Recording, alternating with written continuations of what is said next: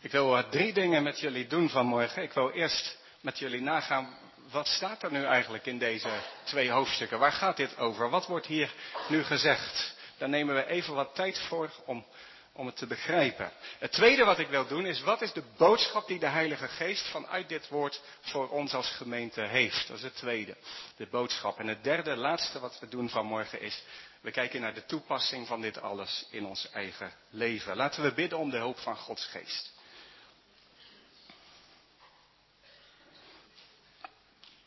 We danken u, Heere God, dat u ons uw woord gegeven hebt. En we danken u dat u de Heilige Geest gegeven hebt, die dit woord geïnspireerd hebt. En wij bidden u, Heilige Geest, wilt u spreken door de mond van uw dienaar.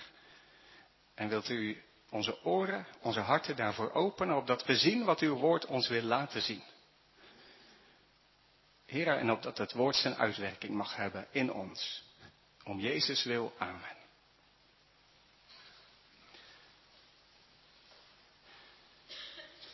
Micha, de profeet. God ontmoeten met Micha, dat is het doel van deze preek en van al de preken uit het Bijbelboek. Micha. Wat is een profeet? Een profeet is iemand die het woord van God brengt. Hij spreekt woorden maar het doel van de woorden die de mensen horen, is dat ze door die woorden iets gaan zien. Dat is ook bij ons zo. Dat vinden wij steeds moeilijker. Als je heel veel naar beelden kijkt, heel veel beelden binnenkrijgt, heel veel naar je telefoon of je televisie kijkt, dan, dan gaat je voorstellingsvermogen om zonder iets te zien iets te zien, dat gaat achteruit. Maar we hebben het nodig, woorden te horen die ons iets gaan laten zien. En de Heilige Geest wil deze woorden gebruiken om ons iets te laten zien. Hoe komt Micha, een boer uit een klein boerendorpje, Moreshet, hoe komt Micha aan het woord van God? Hij heeft een Bijbel.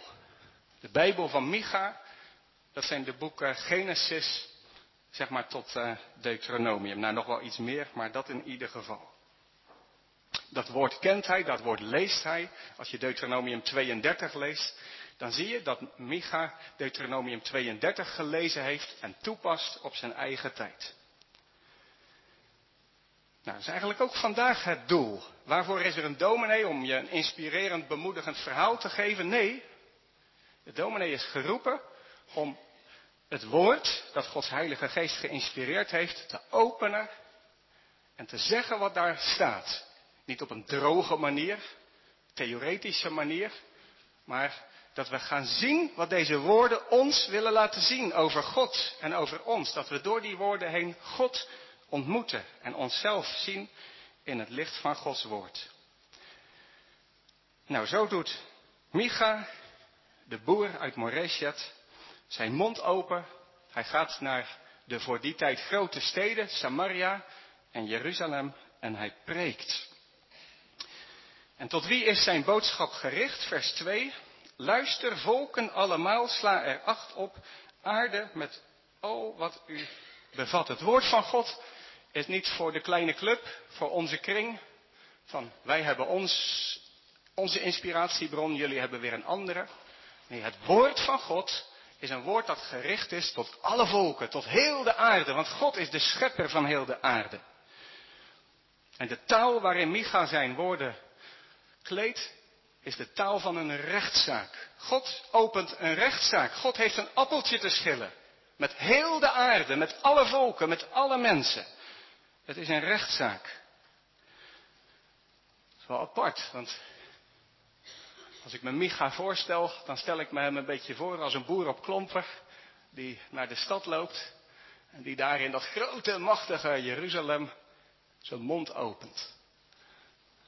Dat is iets van de dwaasheid van de prediking. Zo werkt dat. De boodschap, ook die wij hier horen, is een boodschap die heeft te maken met heel de aarde, heel de mensheid.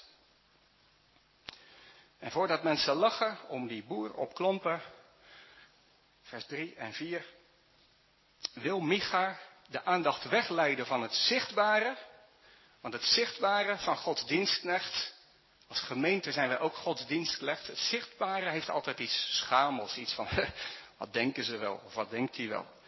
Maar Micha wil de aandacht vestigen op het onzichtbare, namelijk op God die hemel en aarde geschapen heeft. God verschijnt, God komt, vers 3 en vers 4. Als God komt, wat gebeurt er dan?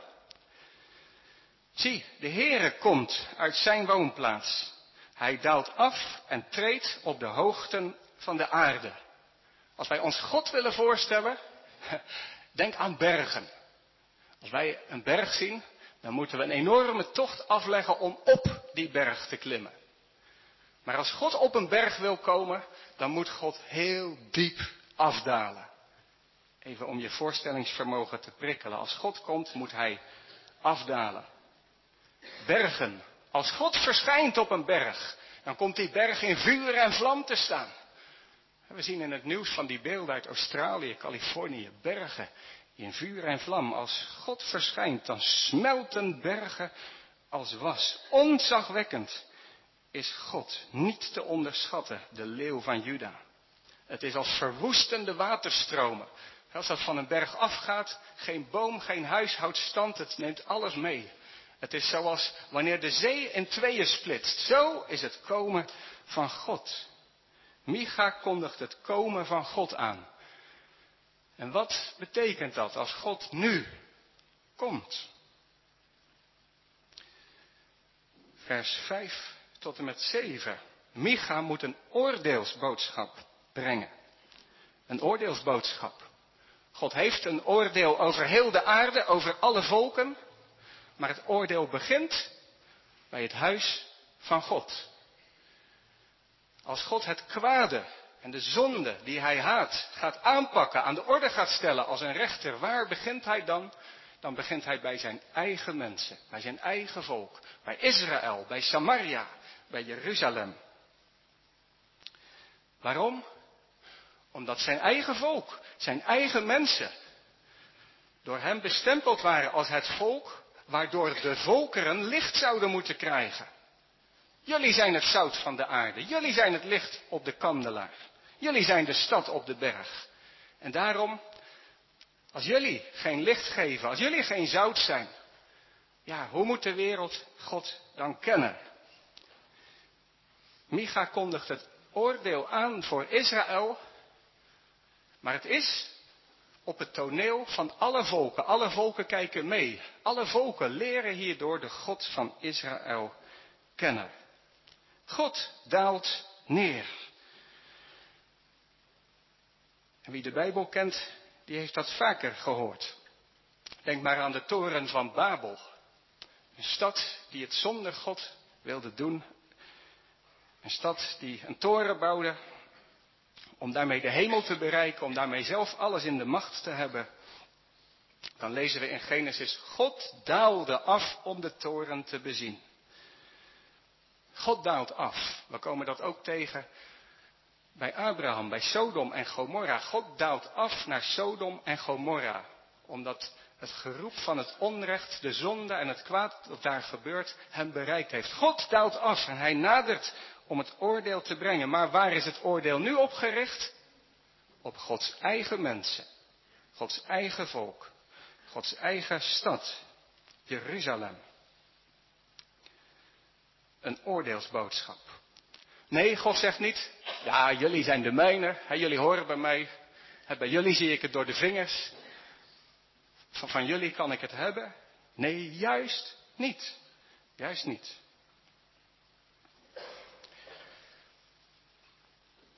Hoe brengt de profeet zijn boodschap? Vers 8 en 9. Huilend. Huilend. Huilend als een jakhals, klaaglijk roepend als een struisvogel. Hoe moet dat geklonken hebben? Die boer op klompen in de stad. Hij zegt onvoorstelbare dingen en hij, hij huilt erbij. Hij zegt het dus niet kil en cynisch. Zoals je van die Amerikaanse haatpredikers hebt. die spotten, die lachen. Haha, je gaat eraan, God haat je of zo. Nee, dat heeft niks met profetie te maken. De ware profeet huilt. is bewogen. Zoals Jezus later huilt over Jeruzalem. Jeruzalem, Jeruzalem. De profeet doet het heel veel. Maak het niet bekend in God. Het drama dat zich afspeelt in Gods eigen volk, Gods eigen mensen, Gods eigen gemeente die afgebroken wordt. Vertel het niet verder. Maak het niet publiekelijk bekend. De profeet is bewogen. Nou, wat komt er aan? De verwoesting van Samaria, en dat is ook gebeurd toen Micha profeteerde, is die grote, welvarende, luxe stad door vijandelijke legers met de grond gelijk gemaakt. Zoals we dat soms zien gebeuren in landen waar oorlog is. Waar je vroeger leuk kon shoppen en de huizen zijn verwoest door bommen, door strijd, door oorlog. Er is niks van overgebleven. Zo is in Micha's tijd Samaria gevallen. Micha had het voorzegd. En Micha zegt het gaat er niet bij blijven. Het zal ook Jeruzalem bereiken. De versen 10 tot en met 16, waar je al die plaatsnamen hoort, voert nu te ver om dat precies uit te leggen. Maar die gaan erover dat de legers steeds dichter bij Jeruzalem komen. Dorp na dorp en stad na stad uh, gaan voor de bijl. En Micha gebruikt woordspelingen over de plaatsnamen die hij daar noemt. Als dominostenen gaan ze om. En voor ons zou het een beetje klinken als Zwijndrecht wordt Kwijndrecht. Ridderkerk wordt Rottekerk. Barendrecht wordt Barstendrecht. Nou, zoiets. Zo moet het geklonken hebben in de oren van de mensen toen. Oordelen naderen. Niet over vreemde volken, ver weg. Iets wat je ziet op het journaal. Maar over het eigen volk, het eigen land. Waarom dan? Hoezo dan? Wat is de oorzaak daarvan? Nou, in hoofdstuk 1, vers 7 hebben we daar al iets over gehoord. Afgodendienst. Wat is dat, afgodendienst? De term hoererij en hoerenloon wordt gebruikt. Het is dat Gods eigen volk gedaan heeft zoals een man tegen zijn vrouw of een vrouw tegen haar man kan doen. Een man tegen zijn vrouw, ik zet je aan de kant, ik hoef jou niet meer, ik heb een ander, die biedt me veel meer. En je voelt je gedumpt. Dat je niet goed genoeg was. Dat je niet, niet, niet genoeg, ja, niet goed genoeg was. Zo voelt God zich gedumpt. Terwijl God weet dat Hij de God is die alles had en heeft wat Israël nodig heeft om veiligheid te bieden, vreugde te bieden, liefde te bieden, zekerheid te bieden. Afgoden. Men heeft de ware God van Israël, de God van het woord, ingeruild voor een God naar eigen beeld. Een God zoals je hem graag hebt. Een God die dat biedt waar je behoefte aan hebt. Vruchtbaarheid, welvaart. En de levende God hebben ze aan de kant gezet. Afgoderij, dat is de eerste oorzaak. Dat is de zonde tegen het eerste gebod. Gij zult geen andere goden hebben. En die zonde hangt samen met de zonde die we tegenkomen in hoofdstuk 2, vers 1 tot en met 5. De andere zonde die we tegenkomen van Israël is begeerte. De steden Jeruzalem, Samaria zijn als roofzuchtige wolven. Ze hebben nooit genoeg. Ze moeten nog meer welvaart. Nog meer. En intussen, het platteland, akker na akker wordt ingenomen. De wereld zucht en kreunt onder die begeerte, onder die hebzucht van, van, van, van Jeruzalem, van Israël. Ze bedrijven onrecht. Arme boertjes verliezen hun akker, hun bezit, de natuur, alles kreunt en steunt onder de begeerte. Is dat ook niet heel actueel trouwens? En zie je de samenhang? Dit is de zonde tegen het tiende gebod. Gij zult niet begeren. Zie je de samenhang tussen gij zult niet begeren en gij zult geen andere goden hebben. Als je God afdankt en vervangt door een beeld,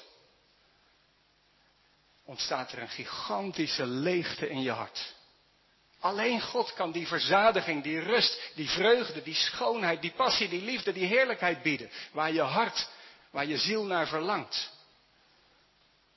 Een konijn is tevreden als zijn hok schoon is en als hij een wortel heeft om op te knagen. Maar een mens met een ziel, die is niet tevreden als hij een boterham heeft en een dak boven zijn hoofd. Een mens heeft een ziel. Een mens heeft een ziel die honger en dorst heeft naar de ware God. En als je die God afdankt en vervangt door andere goden, dan word je een hongerige wolf. Dan heb je nooit genoeg. Dan ga je over grenzen in je begeren, in je meer willen hebben. Je bent onverzadigbaar en daarmee wals je over grenzen van anderen heen. Micha moet er het oordeel over aanzeggen. Micha moet zeggen, dit blijft zo niet doorgaan. Ook al denk je van wel, er is een levende God die het niet kan hebben, dit onrecht. En dit afdanken van hem. Misschien zie je nog geen wolkje aan de lucht, maar de dingen gaan niet zo blijven. We ontmoeten hier een God met passie. Passie tegen afgoderij en passie tegen onrecht. Is dat iets kwalijks? Nee, dat is juist iets heel moois. Als een rechter een rechtvaardig oordeel oplegt over de misdaad die iemand begaan heeft, is zo'n rechter een slecht mens?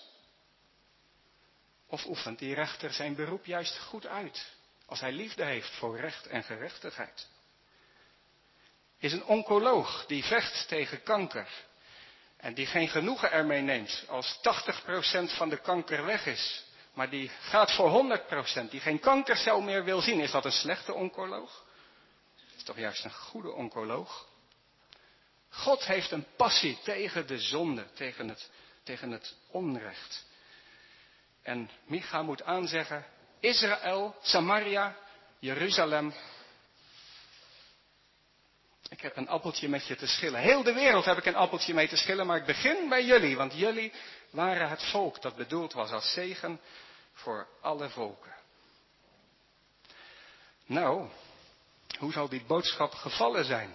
Wat doet zo'n boodschap met je? Hoe komt dat over? Het leuke is dat dat soort vragen die bij ons bovenkomen gelijk ook door Gods woord beantwoord worden. Hoofdstuk 2 vanaf vers 6. Wat is de reactie? Ze profeteren, profeteer niet. Ze moeten er niet over profeteren.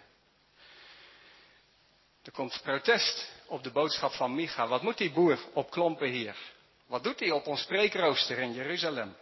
Die hoeft niet meer terug te komen, zeggen de dominees van, van Jeruzalem en van Samaria. Ze zeggen, komt de geest van de Heere soms tekort? Andere vertaling zegt, is God niet geduldig? God is toch geduldig? Natuurlijk, er zijn wel zonden, maar God is toch geduldig? Zijn dat zijn daden? Gods daden zijn toch mooi, lieflijk, heerlijk. Oordelen, zijn dat zijn daden? Doe mijn woorden geen goed bij hem die oprecht wandelt. We gaan toch naar de kerk, we bidden toch, we lezen toch onze Bijbel? Wat is dat voor profeet? Hoe durft hij? Maar Micha laat zich zo niet afschepen. Vanaf vers 8 en vers 9 horen we hem zeggen, onlangs nog, al die dingen die je doet, God ziet het. En God laat het niet voorbij gaan. God laat het niet door de vingers gaan. Micha reageert, vers 8 en vers 9. En komt dan tot zijn oproep in vers 10. Sta op, ga weg. Dit is niet het land van de rust. Micha roept op om in beweging te komen. Sta op. Ontwaak gij die slaapt. Sta op uit de dood. Je zoekt je rust en je welvaart in je mooie huis en je goede baan en je leuke vrienden. Daar zoek je je rust in, daar verwacht je het van. Maar je had je rust moeten zoeken in Hem die de bron van de rust is. Hem heb je getergd. En daarom zul je geen rust hebben. Sta op, word wakker. Verootmoedig je, bekeer je. Roep om genade. Sta op.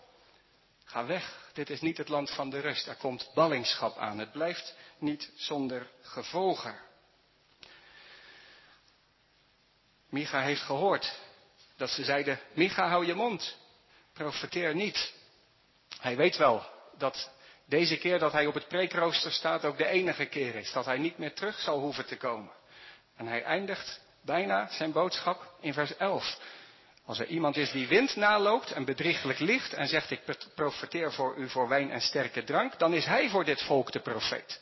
Micha zegt wat jullie willen, jullie willen iemand die je lekker in slaap zust. Die Zegt troost, vrede, komt goed. Een profeet die een borreltje op heeft. En een heel vredig gevoel over zichzelf heeft en dat uitdraagt. Want daar hebben de mensen behoefte aan. En hij geeft wat ze willen. U vraagt, wij draaien. Zulke profeten willen jullie. Dat zijn de valse profeten. De peptalk profeten. Laatste vraag, voordat we overgaan naar de boodschap uit deze twee hoofdstukken. Laatste vraag. Is Micha dan alleen een soort hel en verdoemenis prediker? Een prediker zonder hoop? Zonder perspectief? Nee. En daarom moesten we ook deze twee hoofdstukken echt allebei lezen, vers 12 en vers 13. Ineens gloort er hoop. Ik zal u, Jacob, zeker verzamelen, geheel en al. Ik zal het overblijfsel van Israël zeker bijeenbrengen. Wat Micha doet, wat Micha ziet, zou je kunnen vergelijken met als je in de bergen bent. Vlak voor je staat een reusachtige berg. Maar net voorbij die berg zie je in de verte nog een berg. Die lijkt kleiner, die is ook verder. In werkelijkheid is die groter, maar hij is verder weg. Zo ziet Micha op de voorgrond de reusachtige berg van Gods naderende oordeel. Maar in de verte ziet hij die andere berg. De berg van hoop, de berg van Gods belofte. Hij ziet dat door het oordeel heen er toch mensen overblijven. Mensen gered zullen worden. Die zullen als een kudde schapen zijn in de ballingschap waar God zich over ontfermt. God zal ze samenbrengen. God zal ze uit die ballingschap leiden. Zoals ze daar gevangen zaten achter een muur. Er komt een doorbreker die die muur omgooit. En hè, zoals we dat in uh, de DDR hebben zien gebeuren. De mensen mochten door die muur heen. Ze mochten weer naar de vrijheid toe. Ja, zo komt er een koning, een doorbreker, een koning die voor hen uitgaat.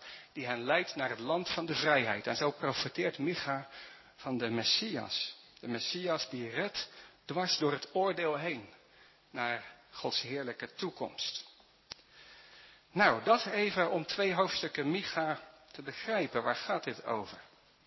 Nou, als tweede de vraag, wat wil de Heilige Geest ons door de woorden van Micha duidelijk maken? Wat wil de Heilige Geest ons, christelijke gemeente, hier vandaag in de Pelgrimskerk laten zien, laten voelen, laten beseffen over God en over onszelf?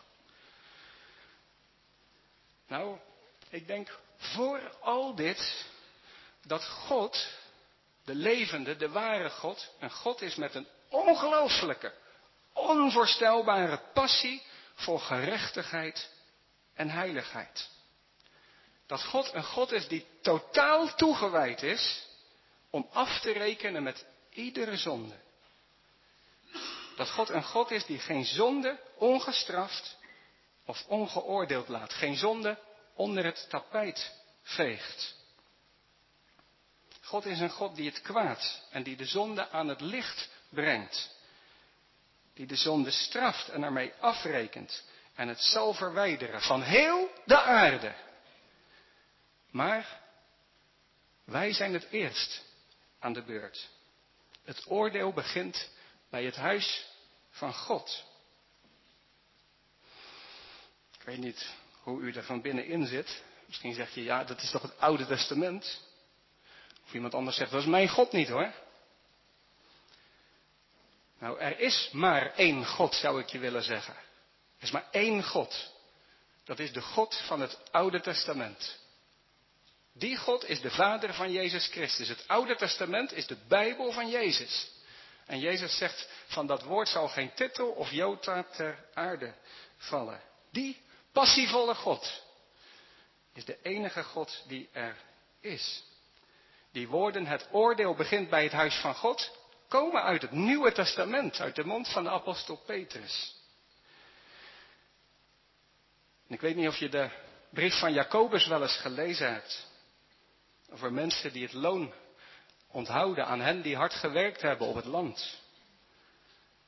Onrecht aan armen en rijken die daar geen oog voor hebben. Dat is allemaal Nieuwe Testament. Of je wel eens goed geproefd hebt als je de brieven leest. Hoe de apostelen bezig zijn. Worstelen om de heiliging en de heiligheid van de gemeente. Om het niet met de zonde in je leven op een akkoordje te gooien. Maar hè, wat Paulus zegt, hè, die deze dingen doen, zullen het koninkrijk van God niet beërven. Je kunt er het koninkrijk niet mee binnen. Misschien zegt u ja, maar ik houd op Jezus. Heb je Jezus niet gehoord? Wee u, Gorazin, wee u, Bethsaida. Wee u, schriftgeleerden, wee u, fariseeën.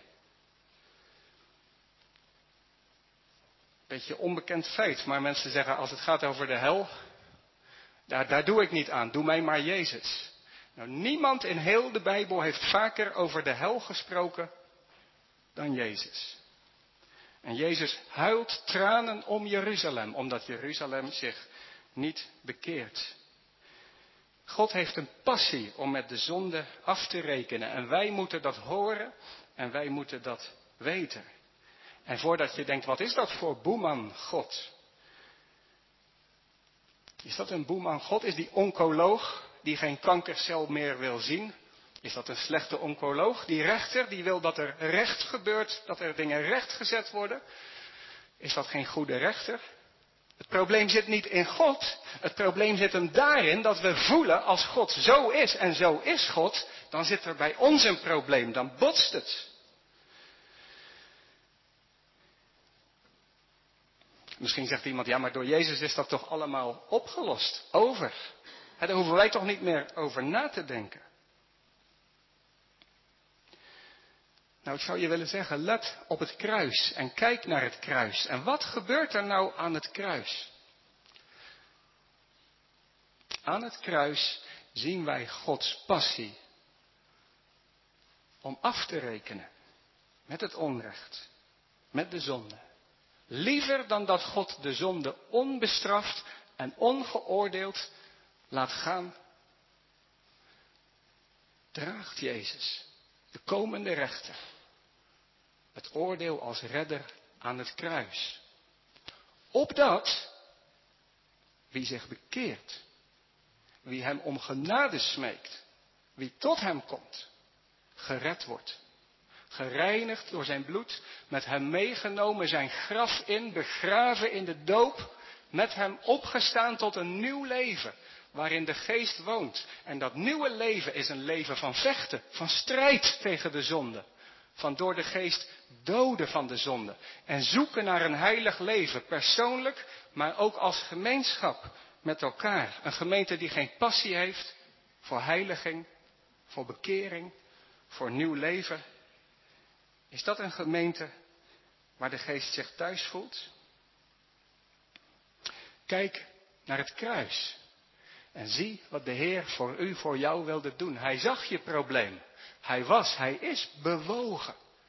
Hij wil niet dat je verzenkt en verdwijnt in zijn oordeel. Hij is bewogen over jouw ziel. En hij ziet waar je het in zoekt en dat je het daar niet in vindt. En hij ziet wat voor schade je door al je begeerten aanricht. En hij roept, kom tot mij. Bij mij vind je rust. Bij mij vind je vergeving. Zie het kruis waar hij wilde dragen wat wij hadden verdiend.